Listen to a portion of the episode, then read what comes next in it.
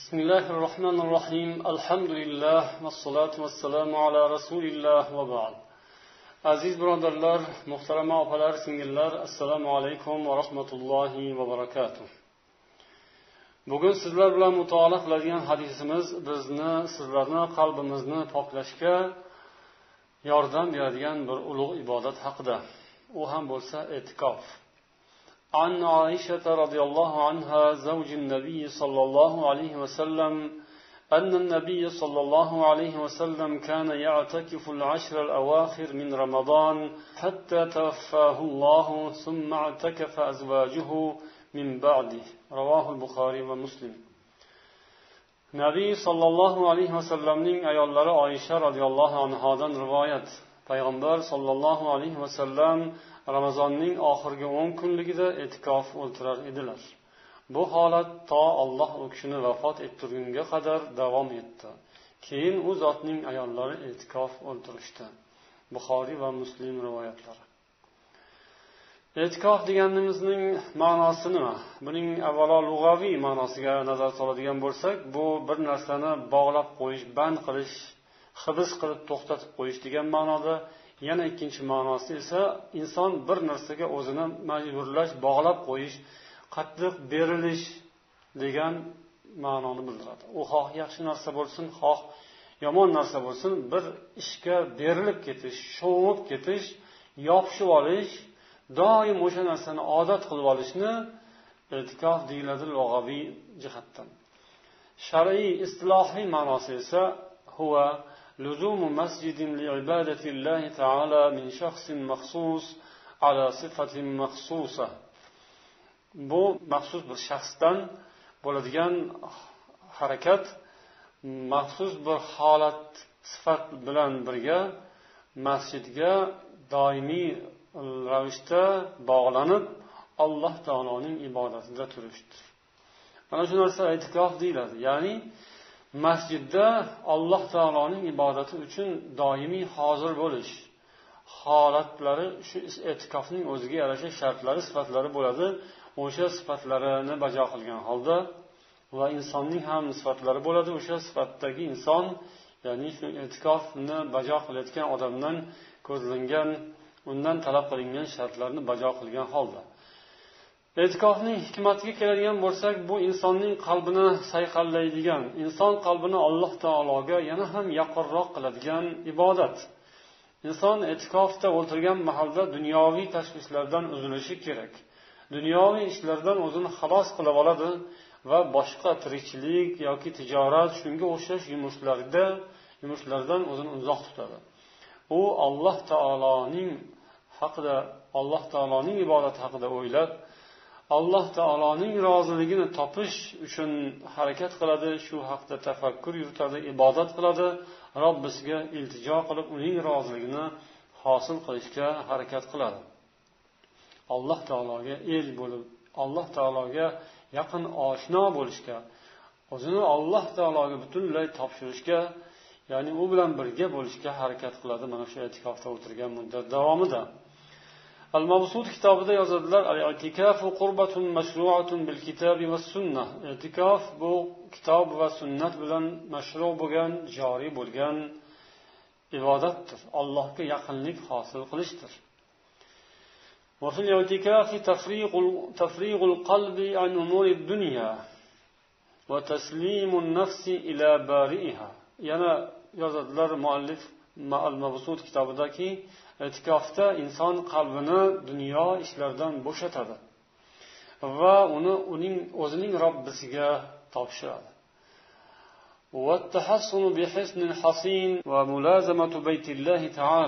Bu e'tikofda inson o'zini bir mustahkam qo'rg'onning ichiga olgan bo'ladi va alloh taoloning uyini o'ziga lozim tutib o'sha yerda doimo mavjud bo'ladi turadi. مثل المعتكف كمثل رجل له حاجة إلى عظيم فيجلس على بابه ato bu e'tikofning tarifida aytadilarki mo'takifning misoli e'tikof o'tirgan odamning misoli xuddi bir buyukning ostonasida eshigi tagida o'tirib olgan va undan o'zining iltimoslarini so'rayotgan odamga o'xshaydi taomini ishimni bitirib bermaguningizcha bu yerdan ketmayman deb ostonasiga o'tirib oladi. Shunga o'xshaydi o'xshab ketadi. E'tikof o'tirgan odam ham ollohning uyida o'tirib oladi.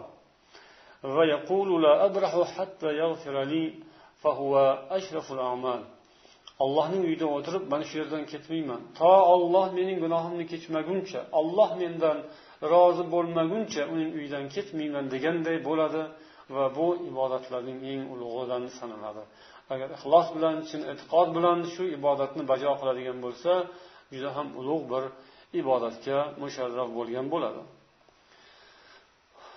Endi e'tikof qayerda bo'lishi kerak? Qanday masjidlarda bo'ladi? Yana al mavsud kitobida yoziladi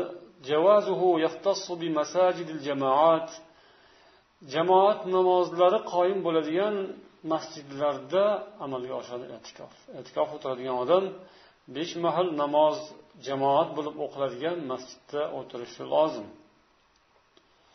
وروى الحسن عن أبي حنيفة رحمه, رحمهم الله تعالى قال كل مسجد له إمام ومؤذن معلوم ومؤذن معلوم وتصلى فيه الصلوات الخمس للجماعة har bir masjidiki unda imom bo'lsa tayinlangan tayinli imom bo'lsa va aniq tiniq tayinlangan muazzini bo'ladigan bo'lsa va besh mahal namoz u yerda jamoat bo'lib o'qiladigan bo'lsa joizdir. Endi e'tikofning hukmi nima degan masalaga kelsak e'tikofning e'tikofning hukmi sunnatdir. Bu erkaklar uchun sunnat ammo ba'zi ulamolar molikiylardan ba'zilari karih ko'rganlari ham bo'lgan ekan. Lekin ularning so'zlari noto'g'ri deyishadi ulamolar chunki bu rasululloh sollallohu alayhi vasallamdan sobit bo'lgan u kishi ramazonning oxirgi o'n kunligida e'tikof o'ltirganlar va sahobalardan ham bu amal sodir bo'lgan bu mustahab va sunnat amaldir erkaklar uchun. ayollar uchunchi ayollarga ham bu sunnat lekin ularning e'tikoflari erkaklarnikiga o'xshagan bo'lmaydi ulardan biroz farqli bo'ladi yana al mavsud kitobida yozadilarki ayol kishi o'zining uyining masjidida e'tikof o'ltiradi وقال الشافعي رحمه الله تعالى لا اعتكاف إلا في مسجد جماعة shofiy rahmaulloh esa faqat jamoat masjidida bo'ladi e'tikof. Bu borada erkaklar ham ayollar ham barobardirlar deganlar imom shofiy chunki deydilar o'sha uyning masjidi masjid hukmida bo'lmaydi. U har xil maqsadda foydalanishi mumkin uni e, sotib yuborilishi mumkin yoki u yerni uxlaydigan joyga aylantirilishi mumkin va u yerda keyin ayol hayz yoki u yerda inson junubli holatda bo'lishi mumkin. Shuning uchun uni masjid hukmida olib bo'lmaydi va ayol kishi ham e'tikofini faqat masjidda o'tkazishi shart deydilar imom shofiy ammo hanafiylar aytadilarki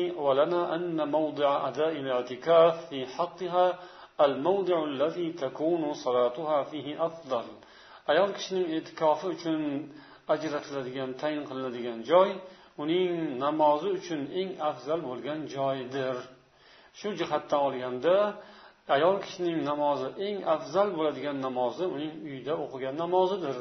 Payg'ambarimiz sollallohu alayhi vasallamdan so'ralganda mana shunday deb javob berganlar dedilar. Yana bunga hujjat qilib payg'ambarimiz sollallohu alayhi vasallam masjidda o'zlariga chodir tiktirib e'tikof o'tirmoqchi bo'lganlarida qarasalar yana bir qator chodirlar tikilganini ko'radilar. Ya'ni bu kimniki deb so'rasalar bu oysha va hafsa onalarimizning chodirlari deb aytishadi. Shunda payg'ambar alayhissalom bundan g'azablanadilar va albirra yuridna bihada dedilar. Ya'ni shu ishlari bilan yaxshilik qilishmoqchimi? dedilar. Va o'zlarining chodirlarini yig'ishtirishga buyurdilar. O'sha oyda o'sha yilda payg'ambar alayhissalom oxirgi o'n kunlikda e'tikof o'tirmadilar. Ya'ni ayollarini qilgan ishlarining ta'sirida e'tikoflarini to'xtatdilar. Ayollarniki ham keyin yig'ishtirildi. Buni shunga hujjat qilishadi demak ayollar masjidda e'tikof o'tirishlari mumkin emas.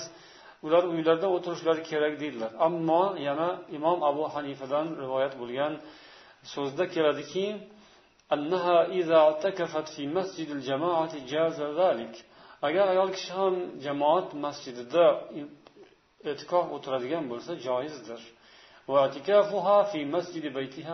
ammo uyida e'tikof o'tirishi uyning masjidida e'tikof o'tirishi afzaldir degan ekanlar uyning masjidi deganda nimani tushunamiz deyilsa uyida namoz o'qish uchun ajratilgan joy ya'ni hamma ham uyda duch kelgan joyda namoz o'qiyvermaydi oshxonasida yoki yo'lakda ham o'qiyvermaydi namozni. Albatta uyni bir mm, chiroyliroq joyni to'rrog'ini pokiza joyni uyni ham sharafliroq joyni tanlab inson o'sha yerda namoz o'qiydi.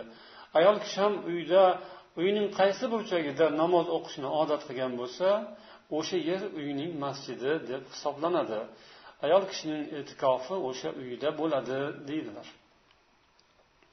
e'tikof o'tirishning tartibiga agar keladigan bo'lsak oysha roziyallohu anhu onamizdan rivoyat qilingan hadis abu davud rivoyatlarida keladi السنة على المعتكف ألا يعود مريضا ولا يشهد جنازة ولا يمس امرأة ولا يباشرها ولا يخرج لحاجة إلا لما لا بد منه ولا اعتكاف إلا بصوم ولا اعتكاف إلا في مسجد في مسجد جامع oysha roziyallohu anhu onamiz aytadilar e'tikof o'tiradigan odam uchun sunnat bo'lgan narsa shuki u e'tikof davrida biror bir kasalni ziyorat qilishga bormaydi janozada hozir bo'lmaydi ayol kishi bilan qo'shilmaydi yoki u bilan birga holi qolmaydi Ya'ni ayol kishi bilan mubosharat qilmaydi. Va biror bir hojat uchun e'tikof o'tirgan joydan tashqariga chiqmaydi. Illo lima la budda minhu. Chiqmasa bo'lmaydigan ish uchun chiqsa joiz ya'ni hojatga yoki zarur bir taom uchun chiqsa bo'ladi. E'tikof ro'zasiz bo'lmaydi. Ro'za bilan bo'lishi kerak. Va e'tikof faqat jomiy masjiddagina bo'lishi kerak deganlar oysha roziyallohu anhu onamiz. Mana shu masalada ba'zi aytilgan bu hozir aytilgan masalalarning ba'zilarida ixtiloflar bo'lgan. Kasal ko'rmaslik yoki u yerdan boshqa joyga chiqmaslik masalalari bu tushunarli ko'pchilik ulamolar tomonidan bu narsa tasdiqlanadi. Ayollar bilan qo'shilmaslik va va hokazo. Zarurat bo'lsagina tashqariga chiqish shunday. Ammo ro'za masalasiga kelganda bu ulamolar o'rtalarida ikki xil qarash bor bu borada. Ya'ni e'tikof faqat ro'za bilan bo'ladi degan masalani shu tarzda aytganlar bular ibn abbos ibn umar sahobalardan. Molik avzoiy savriy va abu hanifa ulamolardan. Bular e'tikof ro'za bilan bo'ladi va kamida bir kun bo'lishi kerak. Deb aytishgan. Ammo ibn masud roziyallohu anhu hasanul basriy shofiy ahmad va ishoq rahimahumullohlar bular e'tikofda ro'za shart emas deydilar. Va inson e'tikofining muddati ham bir kun qilib belgilangan emas deb aytadilar. Bir soat bo'lsa ham yoki bir lahza bo'lsa ham e'tikof deb niyat qilsa joiz bo'ladi deb aytadilar. ibn qayyim rahimaulloh ham yuqoridagi birinchi qavlga qo'shilgan ekanlar ya'ni ولا اعتكاف إلا بصوم ولا اعتكاف إلا في مسجد جامع faqat ro'za bilangina e'tibor e'tikof e'tiborga olinadi ro'za bilan bo'lsa e'tikof sanaladi ammo undan boshqasi bo'lmaydi lekin yana shu borada aytiladiki يحتمل ويحتمل أن يكون معناه نفي الفضيلة والكمال bu yerda ro'zasiz e'tikof e'tikof emas deganda kamol ya'ni komil e'tikoflik nazarda tutilgan bo'lishi mumkin ya'ni e'tikofi agar ro'za bilan bo'lsa kamolotga yetadi mukammal komil e'tikof bo'ladi ro'zasiz bo'lsa nuqsonli e'tikof bo'ladi deb ba'zi ulamolar shunday ma'noni ham berishgan Masjid masalasiga kelganda esa agar inson bir haftadan ortiq e'tikof o'tiradigan bo'lsa unda juma o'qiladigan masjidda o'tirishi lozim. Agar bir haftadan o'tadigan bo'lsa ya'ni juma o'qishi to'g'ri kelib qoladi. Juma o'qilmaydigan masjidda o'tirishi u jumadan qolib ketishiga sabab bo'ladi. Agar bir haftadan kamroq muddatda o'tiradigan bo'lsa unda besh mahal namoz o'qiladigan masjidda o'tirishi kifoya qiladi deydilar avnul mabud sohibi. Bu ibodat mana shu ramazonning uchinchi o'n kunligida ta'kidlanadi. Rasululloh sollallohu alayhi vasallam ramazonning uchinchi o'n kunligi kelganda e'tikof o'tirardilar va vafot bo'ladigan yillari ramazonning ikkinchi va uchinchi o'n kunligida ya'ni yigirma kun davomida e'tikof o'ltirganlari rivoyat qilinadi. Insonning qalbini sayqallaydigan alloh taologa o'zini butunlay topshirib olloh huzurida darajasini bir oshirishga sabab bo'ladigan amal. Bu insonning e'tiqodini iymonini ziyoda qiladi va insonning tafakkur doirasini ham kengaytirib insonning fikrlarini ham tiniqlashtiradi allohga yaqinlik yaqinlik hosil bo'ladi e'tikof davomida. Insonning qalb ko'zi ravshanlashadi. Alloh taolo unga ilhom qilib ya'ni haqni to'g'rilikni rostgo'ylikni olloh rozi bo'ladigan yo'lni ilhom qilishi umid etiladi ya'ni alloh bandasini haq yo'lga to'g'ri yo'lga muvaffaq qilmasa qiyin. Alloh o'zi yaxshi ko'rgan bandasini haqqa muyassar aylaydi. Ana shunday baxtga sazovor bo'lish uchun inson alloh huzurida qo'lidan kelganicha ko'proq ibodat qilish lozim bo'ladi. Jumladan ramazon oyidan foydalanib e'tikof o'ldirish o'tirish ham inson uchun ana shunday bir g'animat fursat. Alloh taolo barchamizga mana shunday ibodatlardan ham bahramand bo'lishimizni nasib aylasin. Vassalomu alaykum va rahmatullohi va barakatuh.